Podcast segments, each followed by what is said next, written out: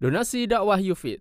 Yuk berikan amal jariah terbaik Anda untuk dakwah dan pendidikan Islam.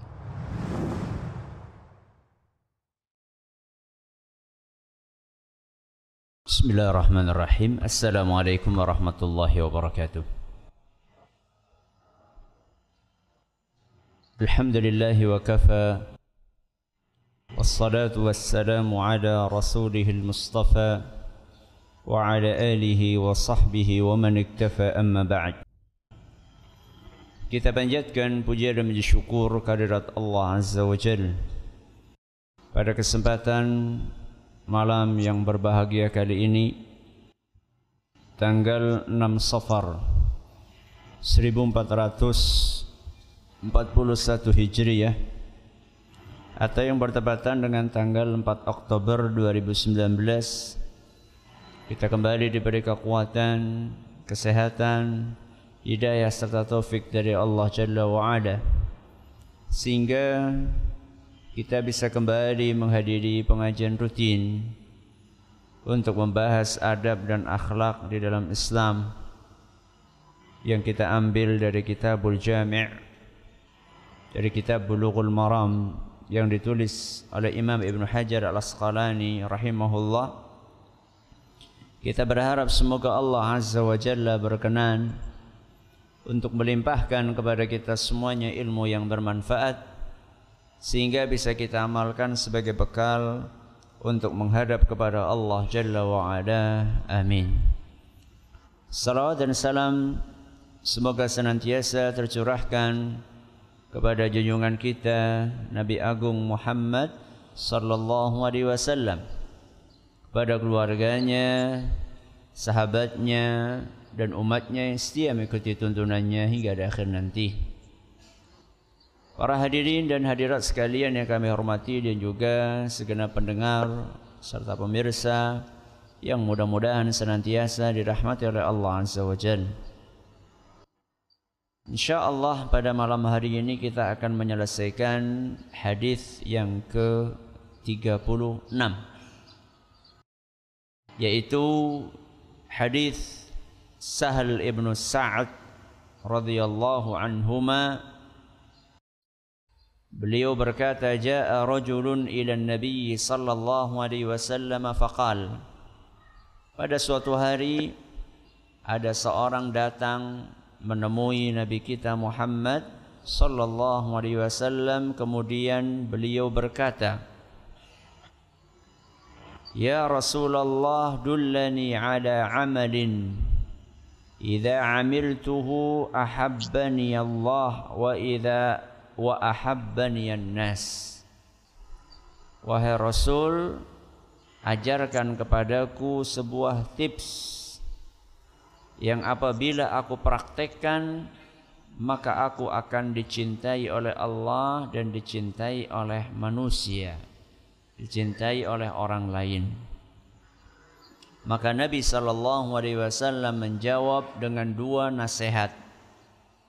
Nasihat yang pertama sudah kita bahas pada pertemuan yang lalu yaitu izhad fid dunya yuhibbukallah. Bersikap zuhudlah di dunia niscaya engkau akan dicintai oleh Allah. Ini wasiat yang pertama. Supaya dicintai oleh Allah bagaimana? Bersikap zuhud di dunia ini. Adapun wasiat yang kedua yang akan kita bahas pada malam hari ini adalah wazhad fi ma indan nas yuhibbukan nas.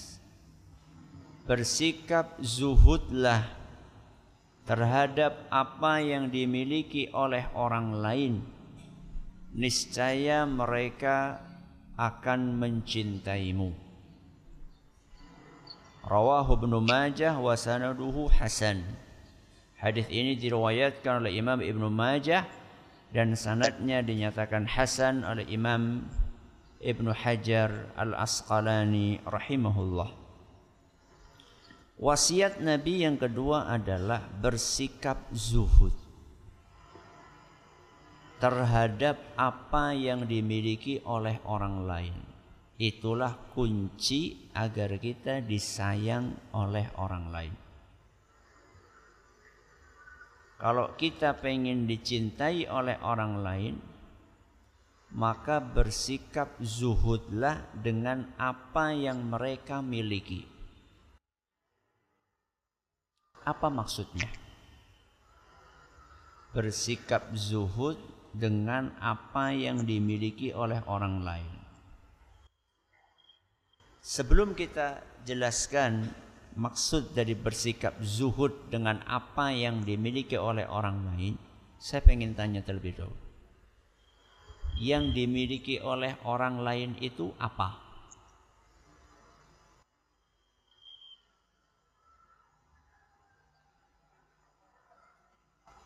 Apa-apa? Ya apa maksudnya? Contoh nih lu apa? Harta. Terus? jabatan terus kue tok bojo betul anak rumah mobil HP sawah pohon buah Nabi SAW pesan kalau kamu pengen dicintai sama orang lain bersikap zuhudlah dengan apa pun yang dimiliki oleh orang lain. Apa maksudnya bersikap zuhud? Aja kepenginan.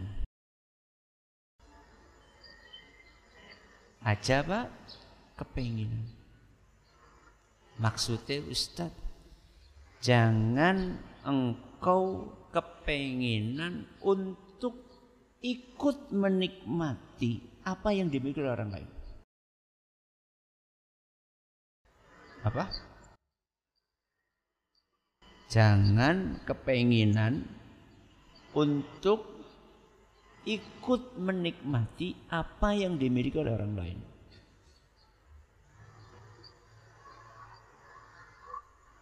Orang lain punya duit. Kalau jenengan kepengin ikut menikmati duit dia, kalau jenengan pengen ikut menikmati duit dia, kira-kira dia senang sama jenengan atau tidak? Tidak. Berarti bagaimana supaya dia senang sama jenengan? Gak usah kepenginan untuk ikut menikmati apa yang dimiliki orang lain. Apalagi kalau yang dimiliki oleh orang lain istri. Waduh, gawat itu.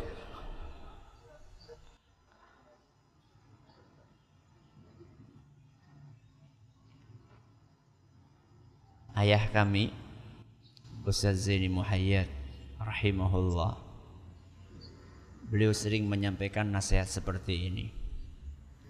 Seapik-apike klambine wong liya esih lebih apik klambine der apa?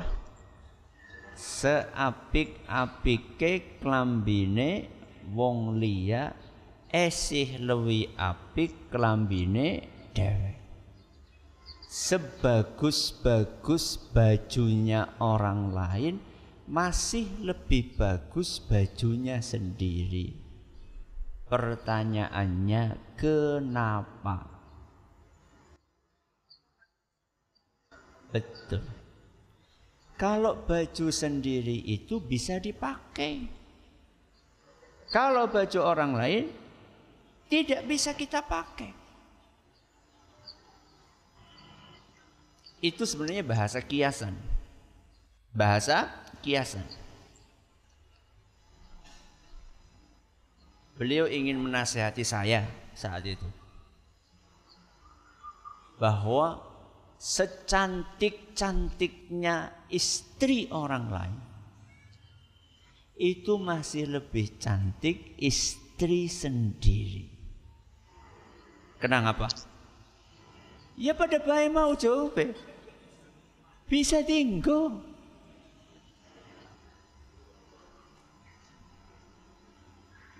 Kalau istri kita sendiri bisa kita pakai, istri orang lain nggak bisa. Bisa dipakai sama yang punya.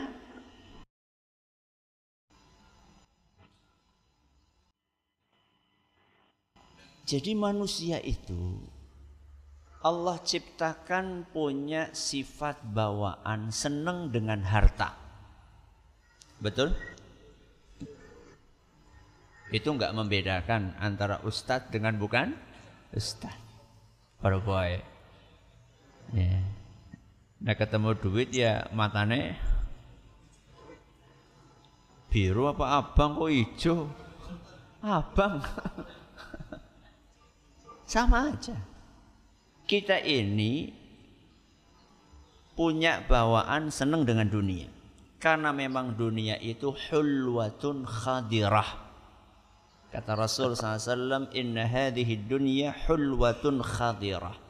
Sesungguhnya dunia ini manis dan hijau. Sehingga menggiurkan dunia itu. Jadi manusia itu diciptakan oleh Allah suka dengan dunia. Kalau ada orang lain ingin nyerobot apa yang kita sukai, senang atau tidak? Tidak senang. Kita tidak akan senang kepada orang lain yang pengen menyerobot apa yang kita sukai. Sebaliknya kalau kita ketemu sama orang yang nggak melek yang nggak kepenginan dengan apa yang kita miliki, kita akan senang kepada dia. Saya tanya sama jenengan. Kalau jenengan punya temen, karpe ditraktir baik. Orang gelem traktir. Seneng? Jujur. Seneng nggak? Hati kecil jenengan apa? Enggak seneng toh? Gak senang. Kita akan senang terhadap orang yang neraktir kita. Karena dia tidak merecoki harta yang kita miliki. Itulah kuncinya kalau kita ingin disenangi sama orang lain. Berarti kesimpulannya apa? Sering-sering traktir wong liya. Aja karo di traktir baik.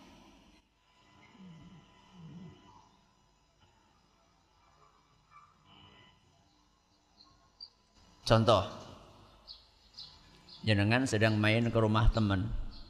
Sampai di sana, biasa kalau sekarang kan kalau lagi ngobrol suka bolak-balik pegang apa? HP. Kemudian jenengan lihat, oh anyar ya HP-nya ya. Apik temen ya, iya apik banget ya. Loh, sing lawas nang di HP nih. Ya ana sih ora kanggo. Iya nyong nyong ben kelangan HP.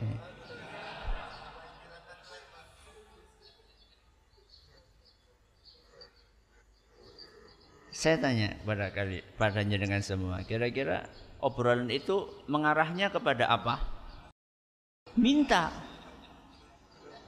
Betul? Dan kira-kira tabiat dasarnya orang kalau punya barang dimintai seneng apa enggak?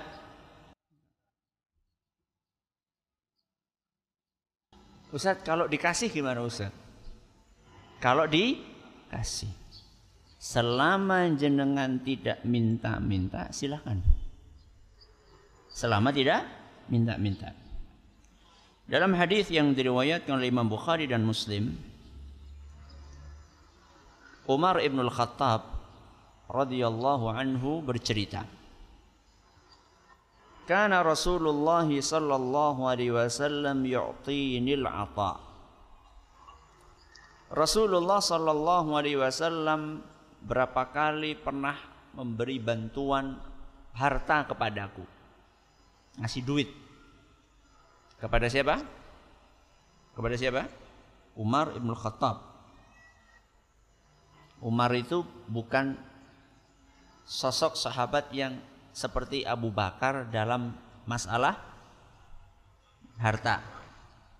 Tidak seperti Utsman dalam masalah harta. Jadi Khulafaur Rasyidin itu unik. Ya, Abu Bakar kaya, Umar biasa. Utsman kaya, Ali biasa. Dari sisi apa? Kekayaan loh ya. Kita lagi bicara kekayaan dunia. Rasulullah Shallallahu Alaihi Wasallam tahu Umar ini orang yang pas-pasan. Dari sisi apa? Harta. Maka Nabi SAW kasih Umar, dibantu Umar sama Nabi SAW. Fa'akulu, maka Umar pun berkata, A'tihi man huwa afqar ilaihi minni. Wahai Rasul, jika engkau berkenan, lebih baik engkau berikan harta ini kepada yang lebih fakir dibandingkan aku. Masya Allah. Sehingga gue ini angkat tangan.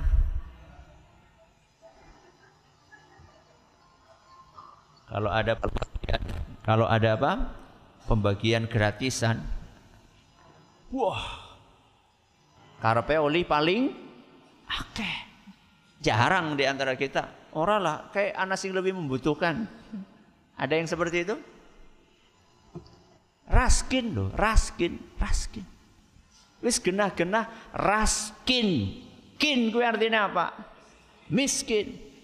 Wong gelangan emas kon jukut raskin gue kepriye wis sih?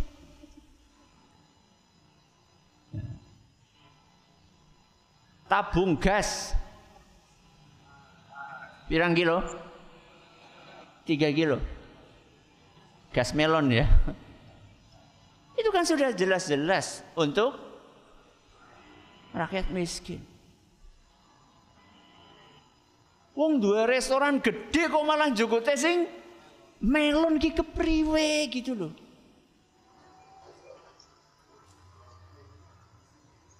Yang sudah sertifikasi suami istri. Ayo kok. Jukutnya kok gas melon itu gimana? Ambil yang berapa? 12 kilo.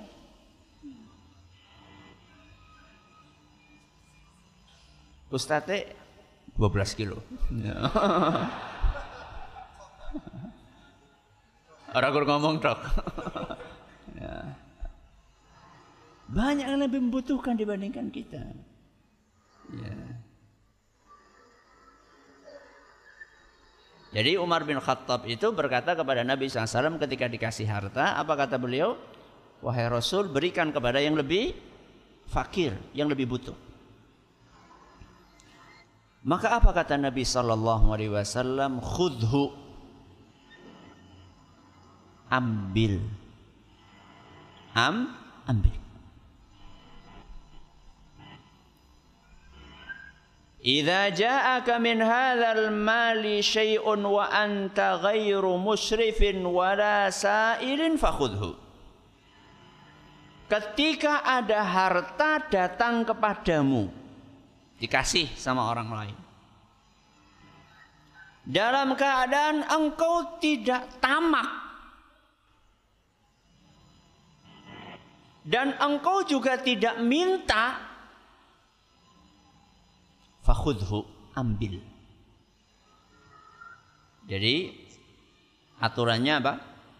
Kalau ada harta itu datang kepada kita apa pun bentuknya makanan apa tadi? HP ya terus kendaraan. Kalau ada orang ngasih kamu tanpa engkau tamak. Tamak itu orang kepingin orang kepenginan dari awal itu Anda biasa aja nggak pengen, juga nggak pernah nyinggung-nyinggung. Karena ada ada kadang-kadang ada orang minta tapi dengan bahasa yang halus. Ya kayak tadi. Ya. HP sing lawas ndi? Ana kowe nang ora kanggo. Aduh jan HP ku nembe ilang kuwi jenenge jaluk. Cuman dengan bahasa yang apa? Halus. Ya itu berarti ada keinginan. Ada apa? keinginan.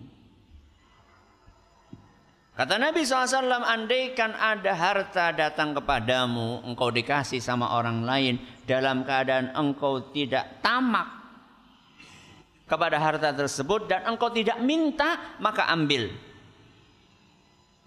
Buat apa wahai Nabi? Fatamawalhu. Engkau bisa gunakan harta itu untuk kebutuhanmu, atau engkau kembangkan harta tersebut. Fa in syi'ta. Kalau kamu mau makan. Gunakan untuk beli makanan buat makan keluargamu. Wa in syi'ta bihi. Dan kalau kamu mau, engkau bisa sedekahkan. Jadi kalau misalnya kita merasa, ah saya nggak butuh cukup, kemudian tetap ada orang ngasih, kita bisa berikan kepada orang lain.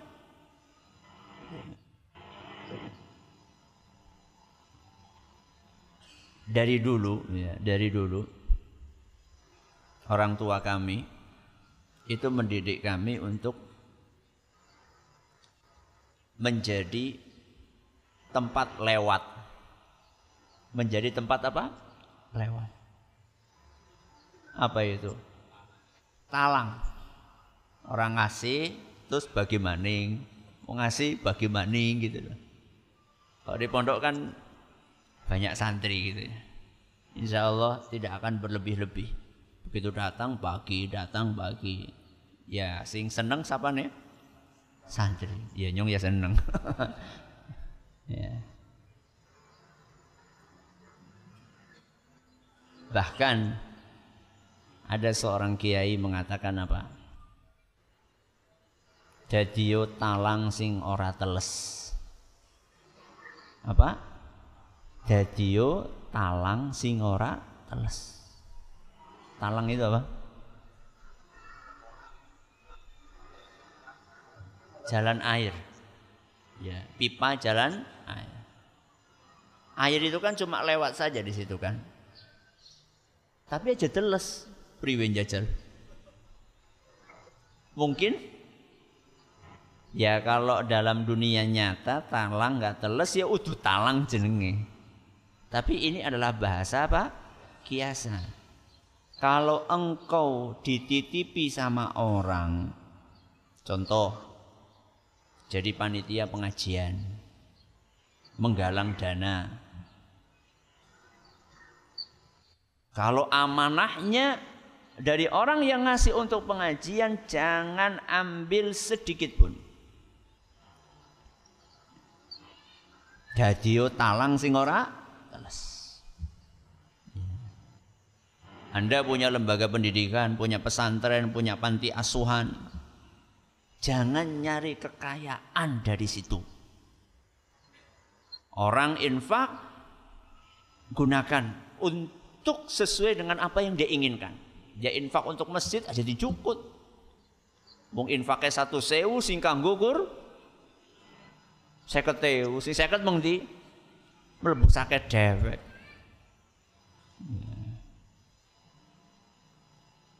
Maka kata Nabi SAW, kalau kamu ingin manfaatkan, manfaatkan. Kalau kamu ingin makan, makan. Kalau kamu pengen sedekahkan, sedekahkan.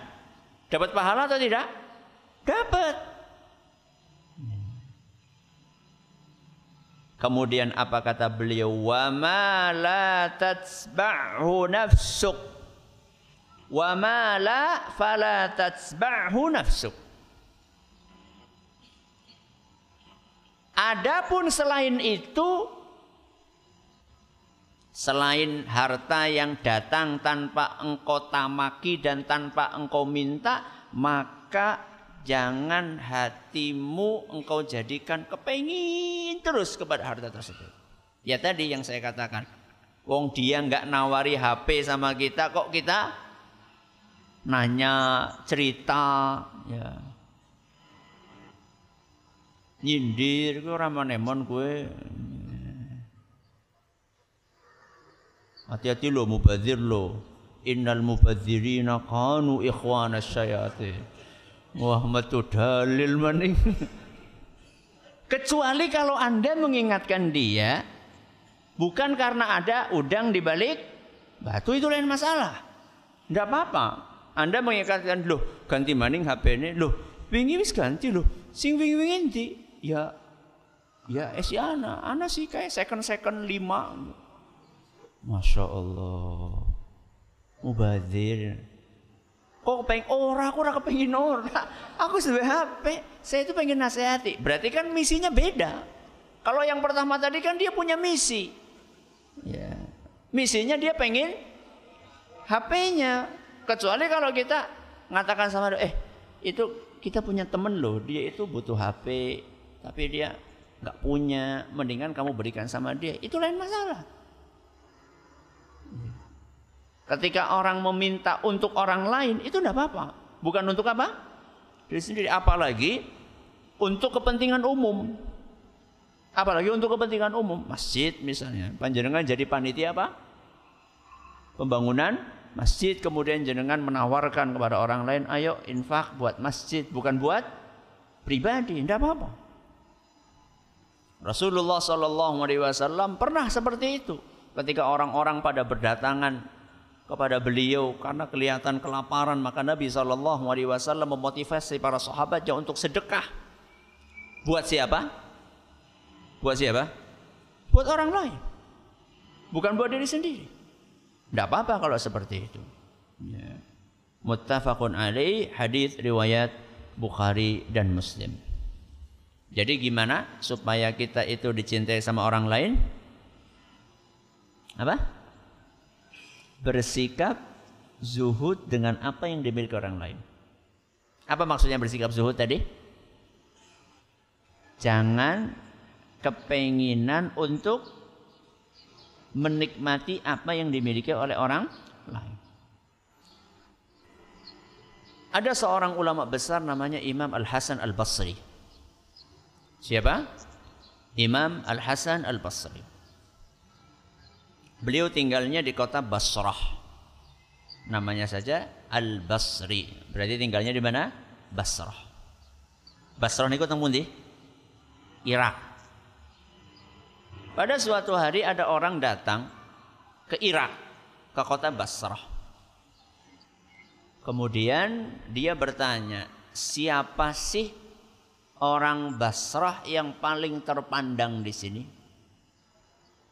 Siapa sih orang Basrah di sini yang paling dihormati, yang paling disegani? Ternyata jawabannya sama. Yang paling dihargai di sini adalah Imam Al Hasan Al Basri.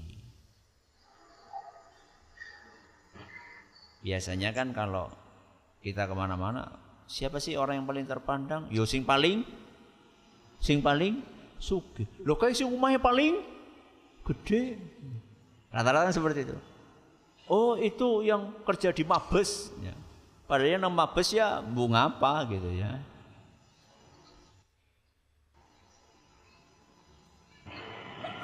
Maka kemudian orang itu bertanya, Bima sadakum, kok bisa yang paling terpandang justru sosok ulama? Bukan orang kaya, bukan pejabat. Kok malah yang paling terpandang, yang paling terhormat kok ulama? Qala orang itu menjawab, "Ihtajna li'ilmihi wastaghna an dunyana." Beliau menjadi paling terhormat di kota ini karena kami semua satu kota butuh dengan ilmu beliau, sedangkan beliau tidak butuh dengan harta kami. Itu beliau jadi terhormat. Karena apa? Orang cek. Semua penduduk Basrah itu butuh kepada ilmunya Imam Al Hasan Al Basri, sedangkan beliau tidak butuh dengan harta mereka. Itu ulama yang terhormat. Wah, kalau kayak gitu nanti ulamanya makan apa Ustaz? Ya dia punya penghasilan sendiri.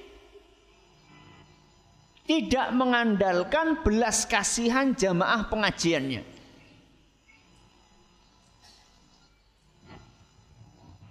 Masih ingat? Pada pertemuan yang lalu kita cerita tentang seorang ulama plus saudagar. Siapa namanya? Yang kemarin kita ceritakan, yang menghajikan orang sekampung. Ulama. Bagus. Ibnul Mubarak. Abdullah Ibnul Mubarak. Saking kayanya dia pernah menghajikan orang satu kampung. Dibiayai semua sama dia. Bukan karena beliau punya biro, bukan. Golek jamaah, bukan. Dia biayai. Orang satu kampung dia biayai semua.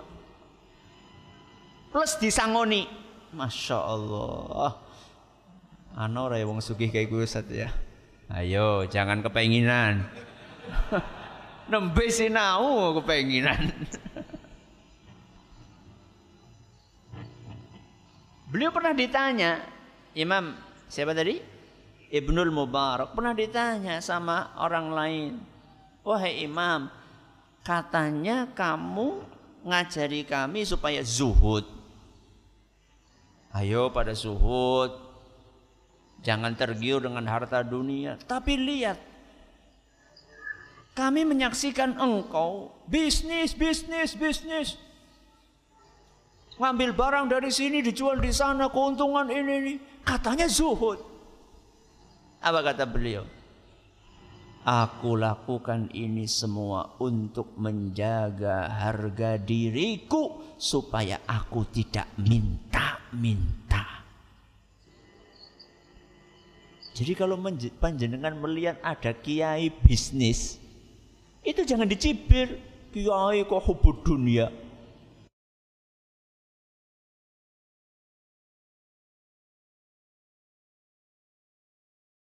Alhamdulillah Rabbil Alamin Wassalatu wassalamu ala nabiyina Muhammadin Wa ala alihi wa sahbihi ajma'in Amma ba'd Seorang ulama atau ustadz Ketika dia punya penghasilan sendiri Dia berbisnis Tujuannya adalah untuk menjaga harga dirinya sehingga dia tidak menjadi beban untuk orang lain maka itu akan menjadi orang yang terhormat.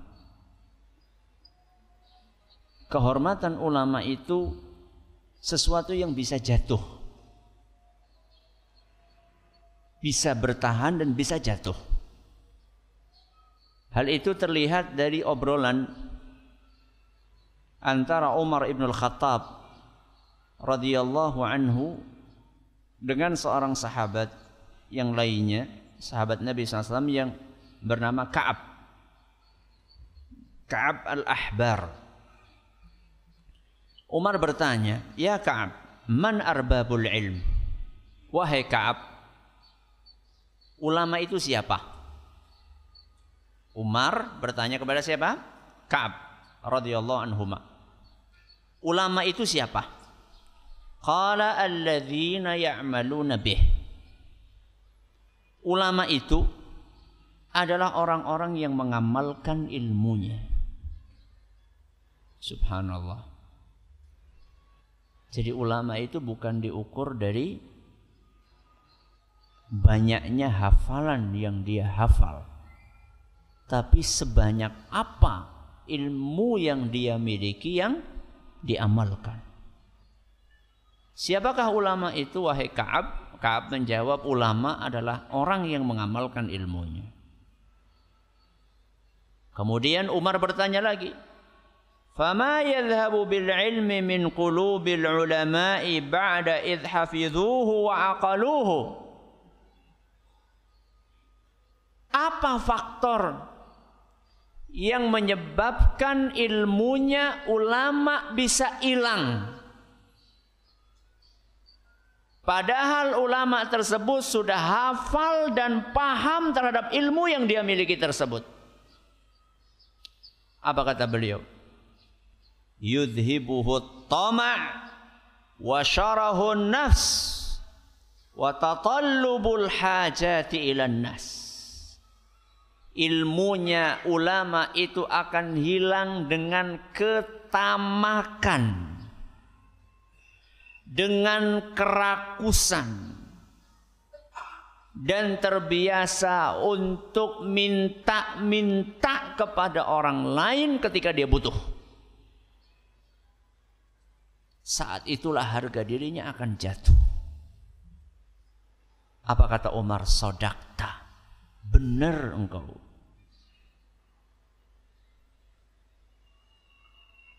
Makanya kedekatan ulama dengan pejabat itu terpuji atau tercela?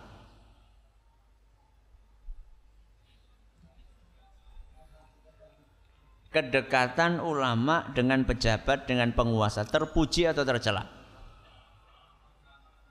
Tergantung apa nih? Tergantung misinya. Kalau dia dekat dengan penguasa dengan maksud untuk mewarnai untuk menasehati maka bagus. Tapi kalau dia dekat dengan penguasa untuk diwarnai atau untuk mengejar materi duniawi saat itulah kehormatannya akan jatuh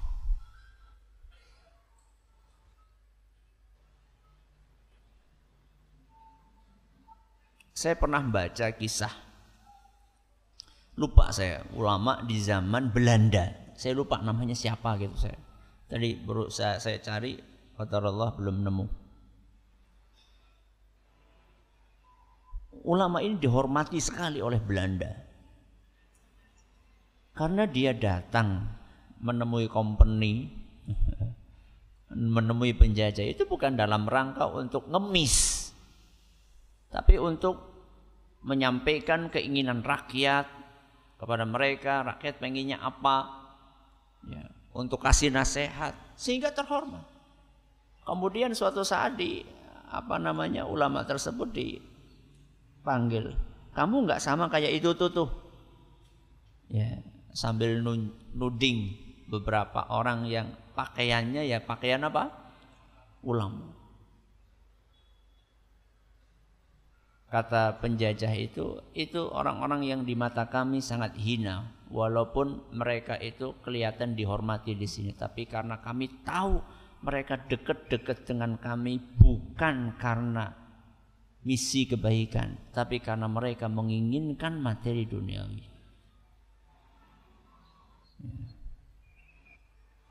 Jadi kuncinya supaya dicintai oleh orang lain apa tadi? Zuhud dengan apa yang dimiliki oleh orang lain. Apa artinya tadi?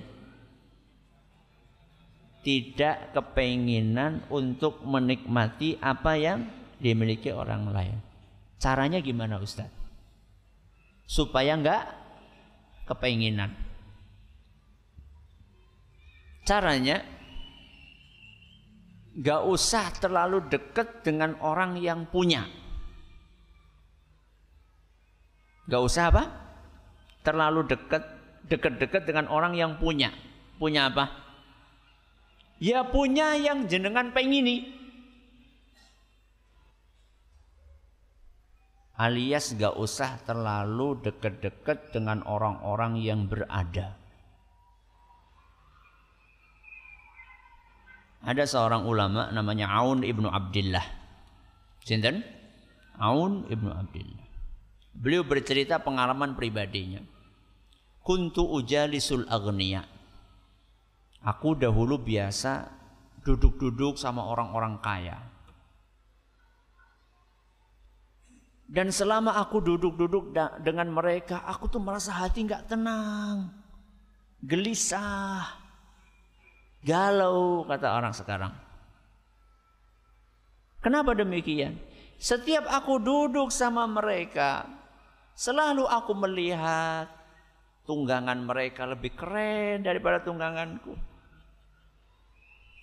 Baju yang mereka pakai lebih bagus daripada baju yang aku pakai. Sehingga aku hidupku nggak tenang. Kapan aku punya itu? Kapan aku punya itu? Alangkah enaknya kalau aku pakai baju itu. Alangkah kerennya kalau aku naik motor yang kayak gitu. Bukan motor, tunggangan. ya. Maka apa kata beliau? Fajalastul fastaraht. Kemudian setelah aku merasakan ketidaktenangan ini, Aku pun berusaha memperbaiki diri. Aku lebih banyak duduk dengan orang-orang fakir. Dan setelah itu hatiku terasa tenang sekali. Ya. Kenapa? Karena keren dewek. Ya. Kalau ke kemarin kan elek dewek. Siki apa? Paling keren. Ya. Wah Ustadz saya nggak bisa, Ustadz saya nggak bisa. Mung saya mau nggak mau harus ketemu sama mereka. Kalau memang Anda memang harus ketemu dengan mereka, maka jaga pandangan. Ustaz, Godul Basor Ustaz? Naam, Godul Basor. Kan bukan cewek Ustaz. Iya. Godul Basor dari apa? Dari harta yang mereka miliki. Apa kesukaan orang kalau bertamu? Apa kesukaan orang kalau bertamu? Apik banget ya koyo. Oh. Itu yang bikin apa? Penginan. Apalagi sekarang di YouTube, itu banyak sekali yang gitu-gitu. Bedah rumah, oh sapa gitu loh. ada helipadnya. Ya. Wah, dewek umai RSSSSS. Ya. Rumah sangat sederhana, selonjor saja sulit sekali. Kok nonton orang yang punya rumah kaji atau tayangan ya vlog tentang orang yang punya rumah ada helipadnya kemudian turun ke basement koleksi apa nih mobil mewahnya. Juga beri rasa semaput.